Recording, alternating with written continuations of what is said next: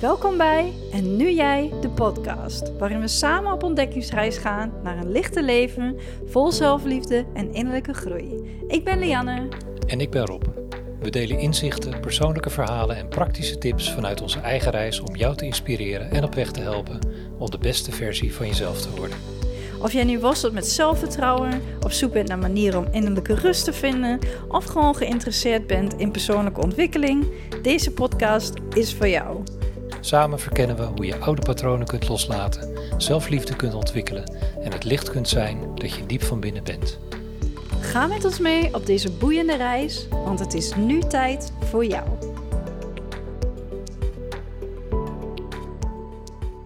Welkom luisteraars en kijkers bij alweer de zesde aflevering van En Nu Jij podcast. In deze aflevering en in de volgende, het wordt een tweeluik, gaan we het hebben over omgaan met emoties.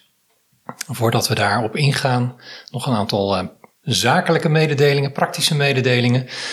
Um, als je vragen hebt naar aanleiding van deze of de vorige podcast of volgende podcast, voel je vrij om een reactie achter te laten. Dat kan als je op Spotify luistert, uh, heb je de mogelijkheid om te reageren.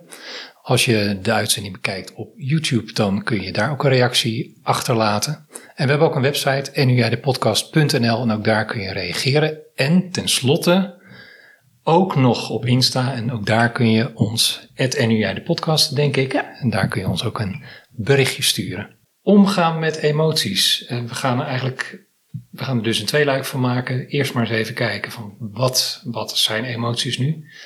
Uh, hoe herken je ze? En de tweede aflevering gaan we vooral in op uh, hoe doe je dat nou? Ja. Omgaan met emoties. Als er emoties zijn, hoe kun je daar nou het beste mee aan de slag? Ja, dan gaan we wat dieper in op hoe je daarmee om kunt gaan. Ja. ja. Als het gaat om emoties, uh, wat zijn emoties? Wat zijn jouw gedachten daarover? Wat zijn emoties? Um, ja, ik vind dat je emoties kunt indelen in vier categorieën. Dus dat is bang, blij, boos en bedroefd. En daaronder hangen eigenlijk heel veel dingen. Als je bijvoorbeeld bang bent, ja, dat kan angst zijn. Dat kan, um, ja, je hebt, je hebt inderdaad de, de paniek, uh, nou ja, noem maar op. Uh, als je boos bent, dat kan frustratie zijn. Dat kan woede zijn. Dat kan nou ja, je weet er vast nog wel meer. Irritatie. Irritatie valt ook onder, inderdaad, onder boos. Weet je, kun je er nog meer opnoemen? Ja, frustratie, irritatie. Frustratie, ja. ja. dat zijn wel denk ik de hoofddingen. Um, nou ja, blijdschap is, um, ja, je kan heel enthousiast zijn, je kan heel vreugdevol zijn, je kan heel veel liefde ervaren, je kan heel veel, um, ja, wat valt er nog meer onder blijdschap? Ja, ik vind het altijd heel enthousiast. Ja, dat noemde ik net. Enthousiast zijn, uh, ja, heel blij gewoon. En dan hebben we nog bedroefd. Ja, bedroefd kan zijn heel erg verdrietig. Maar we hadden het net ook over schaamte en schuldgevoel. Ja. Ik denk dat die ook wel onder bedroefd valt. Want ja, dan voel je je ook niet oké. Okay. Klopt. Ja. ja. En een schuldgevoel kan ook weer vallen onder boosheid en angst. Het is een beetje een. Die reguleert een beetje, zeg maar. Waar het uiteindelijk op neerkomt, is dat er, er vindt een gebeurtenis plaats die komt van buitenaf tot je en ja, daar, dan gebeurt er iets met je. En dat kan zijn dat er direct een, een, een actie plaatsvindt, dat er direct iets gebeurt. Hè, dat je een vecht, vlucht of een, uh, ja, of een blokkade ervaart. Hè, fight, flight. Uh, ja, dat je eigenlijk direct freeze, reageert. Direct op de reageert emotie, zonder dat je uh, daar ja. um, bij, bij nadenkt actief. Um, het kan ook zo zijn dat je ja, dat er iets gebeurt en dat dat proces wat langer duurt voordat je er ook mee aan de slag gaat. Maar je kan inderdaad ook een um, direct je emotie voelen en daarop uh, op reageren. En daarna erover na gaan denken. Maar dat komt vaak voort uit het feit van er is een gebeurtenis die plaatsvindt in jouw bijzijn. Het kan ook zijn dat je iets hoort van iemand anders natuurlijk, maar die plaatsvindt in jouw bijzijn.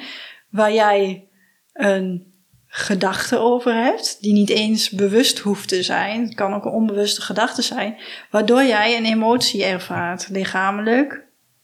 Een gevoel, of een gevoel ervaart, dat is lichamelijk. En emotioneel ervaar je dan een gevoel. En daar pas jij je gedrag op aan. Wat is dan dat gedrag? Ga je inderdaad reageren vanuit die angst? Uh, verstijf je? Krijg je huidkloppingen? Of ben je heel blij? Uh, ga je dansen? Ga je, dat is je gedrag, weet je? Of misschien krijg je overal jeuk? Of ga je juist afstand nemen? Of, uh, en aan het gedrag hangt weer een gevolg. Ja.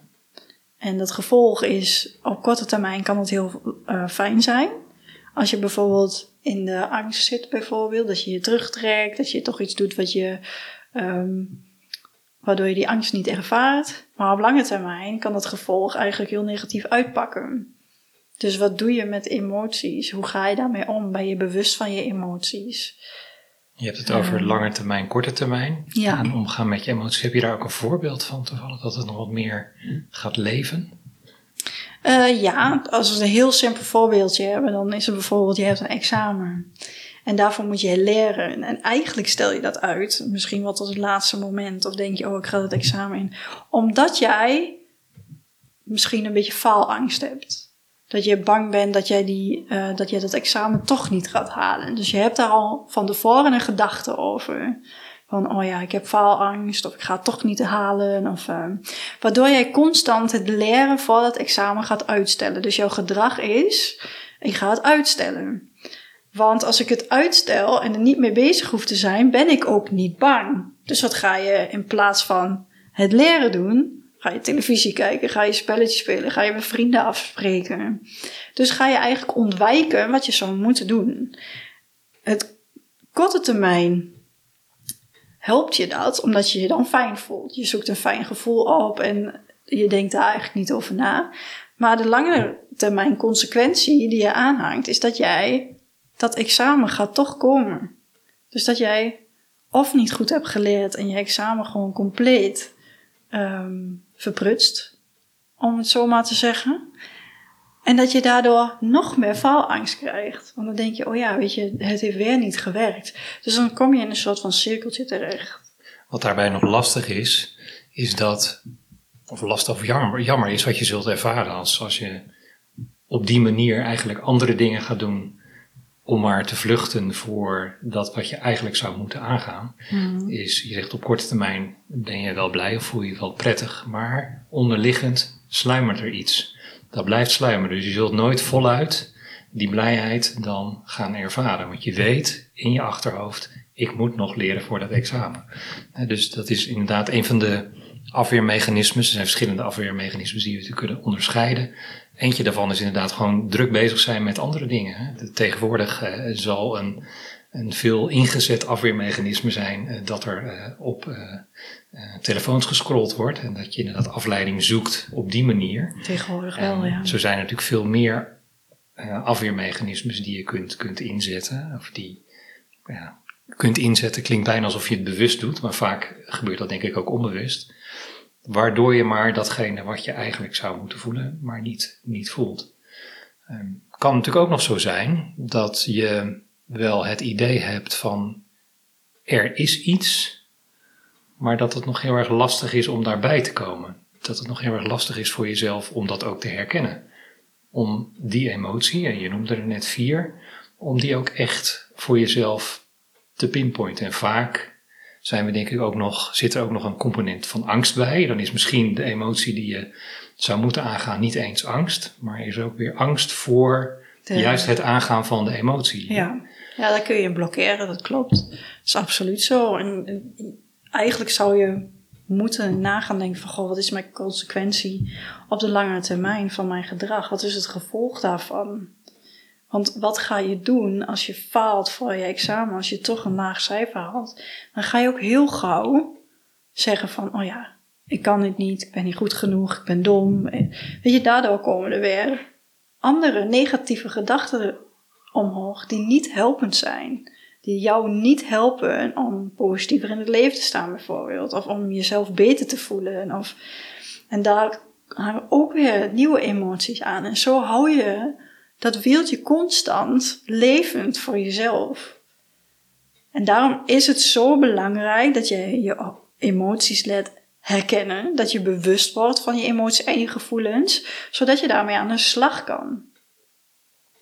Heb jij ook een voorbeeld van een manier van hoe je dat doet, die emoties herkennen.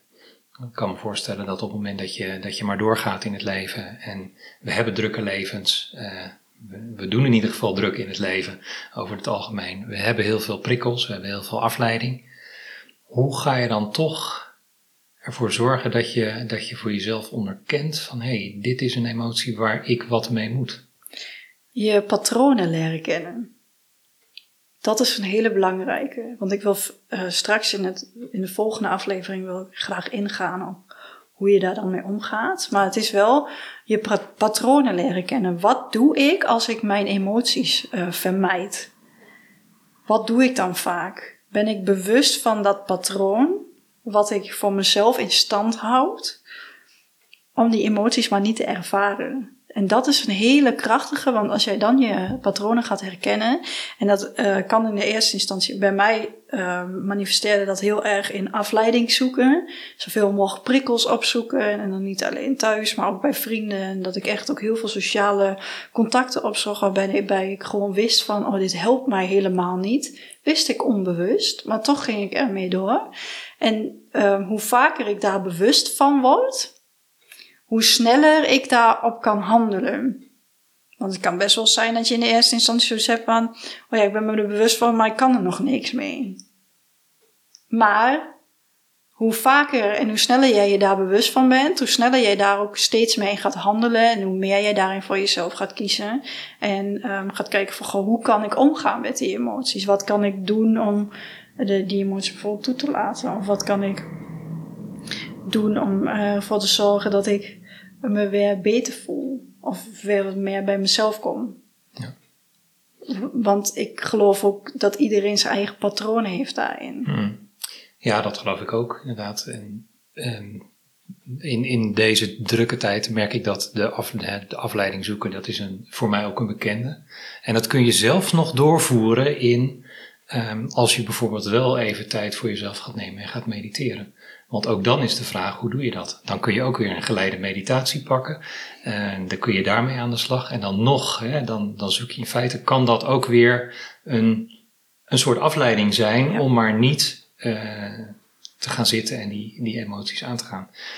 Uh, en op een of andere manier hebben we er dus moeite mee om daarbij te komen, kennelijk. Om inderdaad dat ook aan te gaan. Dus wat ik net inderdaad ook al zei, er zit kennelijk nog iets van een, van een angst. Uh, in ieder geval dat veel mensen dat ook wel ervaren, een angst om het ook aan te gaan. Um, ik weet niet of je dat ook herkent. Um, door die, misschien ook wel het idee van ja, als ik die emotie aanga, wat gebeurt er dan met me? Trek ik dan inderdaad misschien een hele, uh, uh, ik zou bijna zeggen, bierput aan, aan emoties open die er allemaal uit moeten? Blijf ik er zo, wat in? Om, is het iets wat niet meer overgaat? Er zijn allemaal ja, irreële angsten die, uh, die er kunnen spelen. Terwijl eigenlijk als je door zo'n emotie heen gaat, ja, die gaat opwellen. En uiteindelijk, en het duurt ook over het algemeen niet zo heel erg lang. Dat, dat kan een kwestie zijn van een paar minuten voordat je er ook echt doorheen bent. Zodat hij weer tot rust komt. Ja, vaak is het ook, hoe ben je opgevoed? Waar komt het vandaan? Waarom onderdruk jij je emoties? Mogen ze er niet zijn? Heb jij altijd geleerd dat je emoties en je gevoelens er niet mogen zijn? Is daar vroeger in jouw jeugd ruimte voor geweest? Want vaak gaat het daar mis. En ik denk ook nu verandert dat een beetje in deze wereld. Maar vroeger was daar niet echt ruimte voor. Was daar geen aandacht voor. Omdat het ja, het was een beetje taboe, weet je, om je slecht te voelen. En uh, oh, je mag niet uh, huilen bijvoorbeeld. Of nee, je moet sterk zijn, want dan uh, hoor je erbij. Terwijl je kwetsbaarheid je veel verder brengt. En dat is iets waar heel veel mensen heel veel moeite mee hebben, omdat ze vanuit hun opvoeding hebben geleerd dat hun emoties er niet mogen zijn. Dat daar geen veiligheid voor geboden werd. Um, dat hoor je vaak ook. Als, je, als kinderen bijvoorbeeld zijn gevallen of ze hebben hun hmm. hoofd gestoord of wat dan ook. Het hoeft niet eens iets heel ernstigs te zijn. Dat ze dan even huilen, want dat is hun gevoel. Kinderen staan nog heel dicht bij hun emotie en gevoel. Die gooien dat er meteen uit. Maar dat wij volwassenen zeggen van, ach, stil maar. Ja. En dan zeg je eigenlijk letterlijk... Uh, die emotie hoeft er niet te zijn. Uh, het heeft geen ruimte. Stil maar. Weet je, we geven een kusje op en dan is het weer over en dan, uh, dan gaan we maar verder. Maar dan geef je dus geen ruimte aan die gevoelens en emoties van het kind. Want misschien gaat het niet eens om de pijn die hij op dat moment ervaart, omdat hij is gevallen, maar meer om de schrik. En um, dat hij heel even de behoefte heeft een arm om zich heen. En de veiligheid voelen van, oké, weet je, dit is gebeurd, ik ben daarvan geschrokken. En ik heb heel even de aandacht nodig van iemand waar ik mij veilig bij voel, waar ik van hou, waar ik liefde van mag ontvangen. En dan is het ook, weet je, dan krijgt het ook de ruimte en dan kan zo'n kind dat ook loslaten. Maar als jij altijd van je ouders hebt gehoord, oh stil maar, weet je, gaat wel weer over, eh, ga maar weer spelen, want uh, hè, is niks. Ja, dan is dus inderdaad, als jij ouder bent, zeg je dat ook tegen jezelf, ach, dat is niks. Maar hoe meer jij dat wegdrukt, hoe meer het naar buiten wil en hoe explosiever het ook wordt ook weer een afweermechanisme. Dus, dus, voor jezelf een beetje wegredeneren van ach, het valt wel mee. Dus dat, dat, dat, ja, uh, en ik hoef het niet te laten zien. En uh, als, ik me, als ik het wel laat zien, dan ben ik misschien zwak. Of, uh, terwijl dat helemaal niet zo is. Want het zijn jouw emoties, jouw gevoelens, die horen bij jou en die mogen er ook zijn. We hadden het, dus even de vraag of we het in dit gesprek al hadden of in het voorgesprek. Maar in ieder geval ook over de vraag, zijn er ook uh, goede of slechte emoties. Nee. Um, ik ben ook van mening dat dat niet het geval is. Hè. Die emoties die jij noemde, die mogen er ook allemaal zijn. Alles. En um, in die zin ook van belang om uh, daar ook zonder oordeel ook naar te kijken. Dus ja. uh, gewoon voor jezelf te constateren van hé, hey, dit is een emotie die, die opkomt en die, die voel ik. En um, die ga ik doorvoelen. En hoe we dat hoe je dat kunt gaan doen, daar hebben we het de volgende aflevering over. Maar daar ook eigenlijk oordeelloos naar kijken. En ze er dus gewoon laten zijn. Dat heeft dus ook alles te maken met compassie voor jezelf. het is ook gewoon echt noodzakelijk om je emoties er te laten zijn. Wat het dan ook is. Of dat nou woede is, of dat nou angst is, of dat nou uh, verdriet is, of blijdschap het is echt van belang en noodzakelijk om dat er te laten zijn. En het is niet erg als je boos bent. Het is echt niet erg. Het, het ligt een beetje aan wat je ermee doet. Maar je mag best die boosheid voelen. Ja, op het moment dat je daar uh, direct naar gaat handelen, is dat ook weer een afweermechanisme. Maar uh, dus als je gelijk ja, uh, in, in, in, de, ja, in, de boosheid iemand in elkaar gaat timmen, ja, dan ga je het in feite ook niet aan. Dan schiet je gelijk in de verdediging. In, in, de, in de actie, zeg maar. De emotie heeft ook alles met, met actie te maken. Maar, maar dan... op zich, weet je, dat is dan ook wat op dat moment bij jou hoort. Hmm. En dat moet eruit. Maar dan mag je ook voor jezelf gaan onderzoeken van... Goh, waar komt het toch vandaan dat als ik boos ben... dat ik ineens zo agressief word? Want dat, dat is vast een onderliggende oorzaak. En dat is wel iets wat je voor jezelf uh, mag gaan onderzoeken. Ja. Als het gaat over emoties mogen er niet zijn... en vanuit de opvoeding... Um, is dat iets wat jij herkent vanuit jouw eigen leven? Ja. Dat herken ik wel. En wat heeft dat uiteindelijk, waar heeft dat toe geleid? Bij mij heeft dat geleid tot het feit dat ik helemaal niks meer voelde. Dat alles, zeg maar, iedere emotie die ik had, al was het blijdschap, of tenminste dat wat ik zou moeten voelen, um, dat kwam er bij mij uit als paniek. Omdat ik dat zo heb opgekropt, omdat ik uh, mezelf zo vaak heb gezegd: dat mag er niet zijn. Ik mag er niet zijn laat ik dat voorop. Het was denk ik meer, ik mag er niet zijn, dus mijn emoties ook niet. Ja, dan, eh, het is gewoon niet oké. Je lichaam gaat erop reageren, op wat voor manier dan ook. Als jij, want dat is ook waar we net over hadden, zeg maar de woede. Als je dat heel lang opkropt, dan, moet dat, dan wordt het op een gegeven moment heel explosief. En dan komt het er op een manier uit waar je zelf misschien helemaal geen um, grip meer op hebt omdat je het al die tijd hebt opgekropt, omdat je al die tijd vond dat het er niet mocht zijn. Je negeert gewoon je gevoel en je emotie. En uh, dan ben je niet in balans.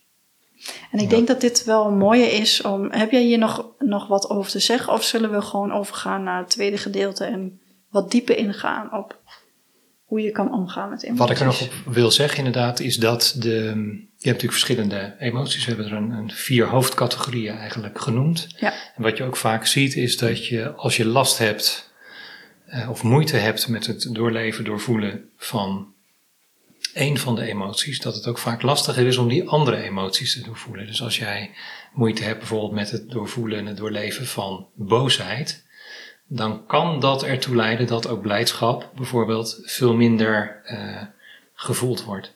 En daar hebben we, en niet om boosheid en blijdschap uh, als positief en negatief te zien. Het is inderdaad zo, allebei behoren ze tot het spectrum van de emoties die je, die, die je kunt ervaren. Maar wat je wel ziet, is dat op een moment, je kunt, dat noemen we ook wel uh, in de opleiding, uh, NLP-opleiding waar we zijn, de pendule van het leven, die, die slaat, zo, slaat zo uit en die kan Um, die kan een klein beetje uitslaan en dan zit je redelijk in de overlevingsstand. Het klinkt een beetje zoals jij, uh, wat je net beschreef, dat je toch eigenlijk niet of nauwelijks bij die emoties komt. En op het moment dat, dat die emoties meer worden toegelaten en meer ruimte krijgt, dan merk je ook dat, uh, dat ze in alle, de emoties in alle aspecten, dat was een tik tegen de microfoon, die gaan horen, maar dat de emoties in alle aspecten ook veel meer en uitgebreider en veel meer in hun volheid kunnen, volheid kunnen worden gevoeld. En dat is wel een hele, hele mooie ook om je te realiseren en te kijken, zijn er inderdaad emoties waar ik wat meer moeite mee heb dan andere emoties. We hebben het in de vorige aflevering ook al even over boosheid gehad. Uh, dat is wel een emotie waar bij mij wat meer moeite ligt. Daar heb ik meer moeite mee dan blijdschap, uh, verdriet. Uh, die gaan veel, op een of andere manier ga ik daar veel makkelijker doorheen dan boosheid. Dus er ligt iets met boosheid, woede, um, wat voor mij een, een, ja, toch een, iets is om nog mee aan de, aan de slag te gaan. Ja. Ik weet niet of dat bij jou ook zo is, of er een bepaalde emotie is waar je meer moeite mee hebt dan, dan andere emoties? Dat heb ik wel, maar die zal ik daar een cliffhanger van maken? Dat wordt de grote cliffhanger, dat gaan we doen. Dat gaan we volgende week over hebben. Daar gaan we het volgende week over hebben. En dan wat meer voorbeelden en ook een, ja, een, een actie-stappenplan. Ja. Ik ben van de stappenplannen. Um, in hoe ga je nou om? Hoe doe je dat nou? Omgaan met emoties, als emoties er zijn. Hoe ga je ervoor zorgen dat je ze uiteindelijk um, doorleeft, doorvoelt. En je ook um, dat kan helpen in de communicatie met anderen. Ja, bij deze. Dat was het voor deze week. Uh, wij zien jullie volgende week. Graag tot volgende week. Tot volgende week.